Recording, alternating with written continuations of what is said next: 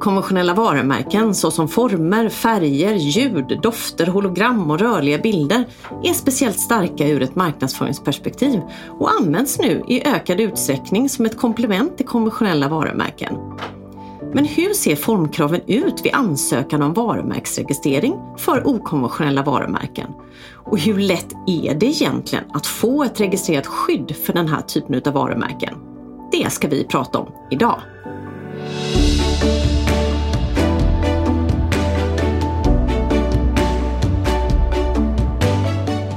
Hej och välkomna till IP-kompassen. Podden för dig som är IP-ansvarig, rd chef bolagsjurist, VD eller bara intresserad av immaterialrätt. I den här podden så vill vi bjuda på nya infallsvinklar, våra egna erfarenheter och dela med oss av vår kunskap inom immaterialrättsområdet. Jag heter Anna-Maria Lagerqvist Gam. Jag är advokat och arbetar som expert inom immaterialrätt på Advokatman Vinge. Och med mig här idag så har jag min kollega Oskar Jansson som är biträdande jurist och arbetar med bland annat varumärkesrättsliga frågor på vårt Göteborgskontor. Hej Oskar! Hej Mia! Så himla kul att du ville komma hit och vara gäst i IP-kompassen idag. Kul att få vara här och kul att få prata om eh, okonventionella varumärken. Ja, men det är spännande.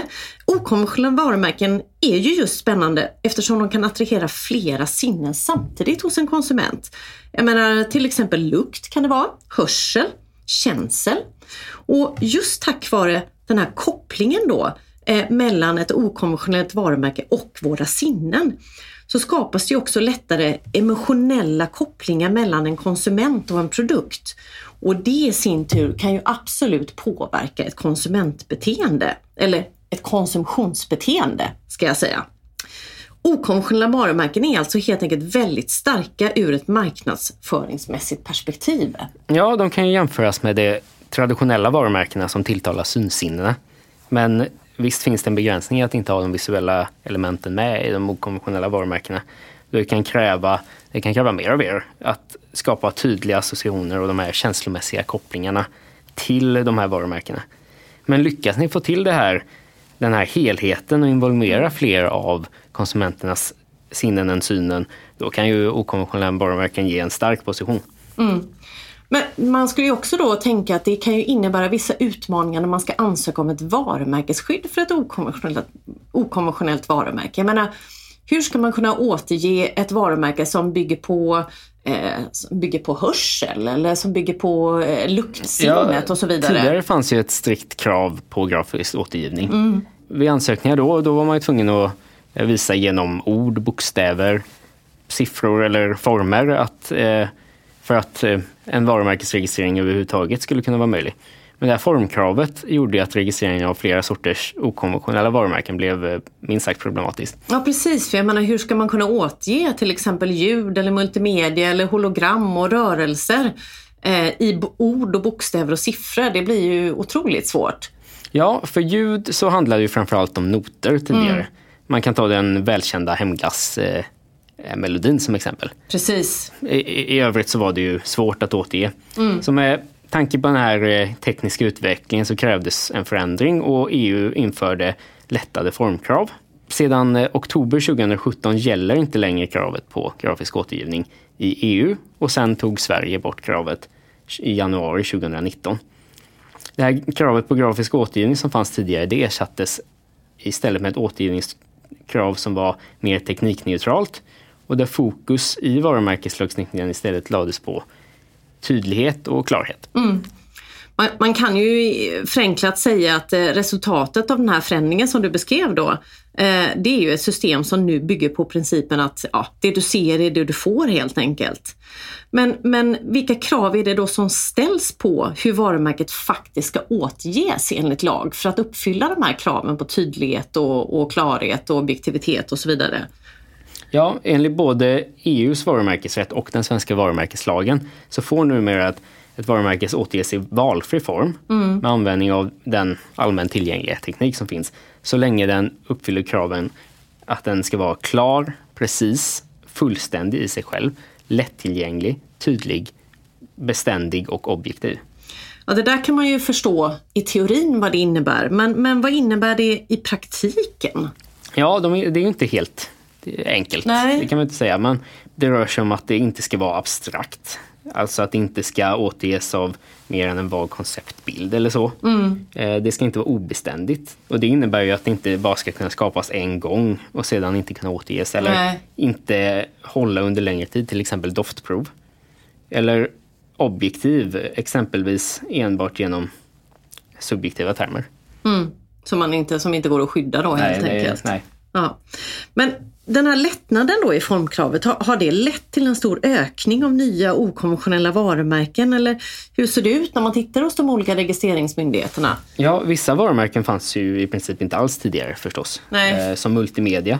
Precis. Så där är det naturligt fler. Mm. Men antalet eh, ljudvarumärken exempel som registreras har dubblats om man jämför en fyraårsperiod efter den här förändringen Mm. jämfört med en fyraårsperiod innan.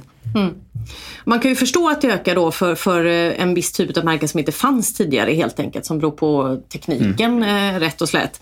Men det verkar ändå inte ha varit en sån här total anstormning med, med massor med nya okonventionella varumärken som har registrerats. Vad, vad kan det bero på tror du? Problemet är att det är typiskt sett är svårt att visa på särskiljningsförmåga. Men det här med särskiljningsförmåga då, vad, vad är det det innebär eh, förenklat? Ja, ett varumärkes viktigaste funktion det är ju att särskilja varor och tjänster som ni säljer från andra företags eh, varor och tjänster. Ett varumärke kan ju inte vara beskrivande. Och, och det innebär ju att någon som säljer kaffe exempelvis måste kunna använda ord som mörkrostat och bryggmalet i sin marknadsföring. Varumärkets utformning måste i sig antingen vara tillräcklig för att kunna skilja varorna och tjänsterna från andras. Eller så ska det genom att ha använts tillräckligt länge eller i så pass stor utsträckning att konsumenterna uppfattar det här märket som ett kännetecken för varorna och tjänsterna. Alltså att man har arbetat in det. Precis. Men vad är det som gör det så svårt då just för okonventionella varumärken att leva upp till det här kravet på särskiljningsförmåga? Ja, den viktigaste funktionen som vi sa var ju att en konsument ska kunna skilja en viss typ av vara eller tjänst från en annan. Traditionella varumärken kan ju göra detta genom att eh, visa genom en text eller figurelement att eh, deras företag ligger bakom och därigenom koppla de här varumärkena till viss vara eller till viss företag. så. Precis, det blir ju, associationen blir ju grymt mycket lättare att Ja, och skapa man här kan helt kunna skriva ut företagets namn Ja, till exempel. Till. Mm. med, eller en annan logga eller så. så. Men det kan inte många av de okonventionella varumärkena göra naturligtvis. Mm. Alltså, de kan inte använda den här visuella, tydliga, enkla kopplingen. Och då blir det svårare för företag att arbeta in den här Mm. kopplingen med de okonventionella varumärkena. Eh, Man kan ta det ljud som spelas när ni loggar in på ert Netflix-konto till exempel. Ja, Om ni har just det. Netflix har ju varumärkesregistrering för loggan som visas på din skärm när du loggar in. Men, men de fick nekat i sin ansökan för ljudet som spelas upp under samma tid. Mm. När de visar den här loggan, det här ämnet i början. Just det, så de försökte söka skydd för eh, det här som ett Precis, ljudvarumärke. då då. kan man ju tänka att trots att ljudet och loggan visas lika länge vid inloggningen så har loggan en större särskiljningsförmåga. Mm. Men Netflix kan också använda det i fler kanaler i sin marknadsföring. Mm. Det blir lättare att sprida helt enkelt. Men om man ser då, för det är egentligen två saker som man fastnar på. Det första är ju det här med åtgivningskravet och sen är det ju det här med särskiljningsförmågan. Bedömningarna kring båda de här två delarna, hur har de gjorts i praktiken? Har vi, har vi några bra exempel i praxis? Ja, ett rykande hett fall från i somras kan vi nämna. Vi kan Ja. kalla det läskburksfallet. Ja. Där eh, försökte ett företag söka varumärkesskydd för, för ett ljud som bestod av det som uppstår när man öppnar en dryckesburk. Ah. Sen kommer en tystnad på en sekund och sen kommer bubblande i nio sekunder. Så det du just beskrev, det var det man Ja, försökte precis. söka skydd för helt enkelt? Öppnandet, tystnaden, Och bubblandet. bubblorna? Ja. Okej. Konsumenten ska ju uppfatta ett ljudkännet, det här ljudet som ett varumärke eh, och inte bara en funktionell del av själva varan. Nej. Och i det här fallet så gjorde det ju det. Domstolen tyckte att, inte att det här faktumet att, att det bestod av två delar, ett öppnande, tystnad och sen bubblande, påverkar den här bedömningen. Var det så man hade försökt argumentera? Att det var unikt på det, sättet? ja, att det var, en, slags del i argumentationen. Ja, precis. Ja. De uttryckte att de här nyanserna, det är ju eh, ljud som eh, burkar vanligen ger ifrån sig när man öppnar, öppnar Mm. dem. Och, och då kan du inte ha en identifieringsfunktion. Man kan inte genom att lyssna på det här ljudet förstå att, att det är just det här företaget som ligger bakom Nej. den här burken. Låter ju ganska rimligt Ja, på ett det är sätt. svårt att inte hålla med. Ja. Att, att, att eh, öppna en dryckesburk på det här sättet är inte direkt kännetecknande för dem. Nej. Ja, det, det, det får man nog ändå säga att det kändes som en rimlig slutsats. Har vi några fler exempel? Ja, vi kan nämna eh, att Red Bull ansökte om skydd för ett rörelsevarumärke. Mm. För en viss sekvens av rörelse som, som ett flygplan uppvisar under en eh, flyguppvisning. Ja, en sån airshow eller? Ja, precis. lite ja. så här extreme sport. Ja, så. precis. Där uppfyllde ju kravet på återgivning genom att bara lämna in en, en fil med en film. Mm. Hur de här rörelserna i luften, eh, eh, när de filmades helt enkelt. Mm. Men eh, de saknar ju särskiljningsförmåga. Ja, och vad var grunden till det då? Ja, att det fanns ingenting i de här sekvenserna av rörelserna som skulle kunna göra att en konsument identifierat Red Bull med de här tjänsterna då som de... Och vad var det man såg i de här rörelserna? Var det liksom flygplan som flög, omkring ja, och precis, de det här var ett flygplan, målformationerna? det var Eller? flygplan som flög igenom mellan två pontoner kan man väl säga, eller Ah. två Ja. pålar. Ja, ja. Ja. Och så uppvisade det ett visst mönster då och så Exakt. var det det man försökte söka skydd för. Men där gick man bet helt Ja. enkelt. Ja. Men du, sen har jag faktiskt också hört att eh, man har försökt varumärkesskydda signaturmelodin eh, eller introt till James Bond-filmerna. Jajamän. Hur gick det med det då? Det, det, ja, det gick bra. Ja. Det gick bra. De, eh, det här företaget som, eh, som äger mycket av rättigheterna sökte om eh, ljudvarumärke för det här, eh, den här signaturmelodin. Mm. Och de uppfyllde kravet på återgivning genom att lämna in en ljudfilm. Problemet var först särskiljningsförmågan. Eller Mm. det var det som var kärnan i, i frågan. Och vad menar du med först? För i första instans så tyckte EUs immaterialrättsmyndighet att eh, den här melodislängen inte skulle få skydd. För att den inte visade på särskiljningsförmåga. Men i andra instans eh, höll man inte med. Utan eh, ljudkännetecknet hade vad de beskrev verkligen originalitet. De beskrev det till och med som en original work of art.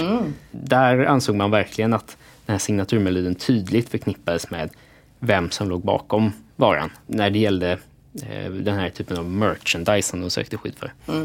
Alltså olika varor som ja, man använder i reklam och annat. Så. Men om man ska försöka se en, dra någon slutsats här om, om trender då. Alltså vad, vad är det som typiskt sett beviljas registrering eh, när det gäller den här typen av varumärken? Och vad är det som typiskt sett liksom ratas och nekas registrering? Fin, finns det någon så här generella ja, slutsatser man kan dra? Ja, jag tycker man generellt kan säga att det som registreras ofta är väl etablerat, väl genomarbetat och väldefinierat. Ja, som James Bond-introt Ja, helt precis. enkelt. Ja, Kan tydligt associeras med en viss typ av grupp av varor eller tjänster. Eh, Men det kan vara svårt eh, att åstadkomma för okonventionella varumärken. Det ställs inte högre krav på särskiljningsförmåga. Nej, det är ju viktigt att poängtera faktiskt. Ja. Men det kräver mer arbete Precis. i praktiken med varumärkesbyggande och brand awareness och, och och för att nå upp till kravet på särskiljningsförmåga. Ja, så för att sammanfatta så är det alltså följande saker ni ska ta med er. Okonventionella varumärken är mycket starka utifrån ett marknadsföringsperspektiv. Vill man ansöka om ett okonventionellt varumärke, då måste märket kunna återges klart, tydligt, fullständigt, beständigt och objektivt. Men det är inget strikt krav på återgivning grafiskt, det vill säga i ord, bokstäver och siffror. Det kan vara svårt att leva upp till kravet på särskiljningsförmåga för okonventionella varumärken. Och utifrån praxis så kan man dra slutsatsen att det kan krävas hårt arbete för att nå särskild förmåga och att det kan hjälpa att stötta med visuella delar. Det var allt för idag och tack för att du lyssnade. Ta hand om er så hörs vi snart igen.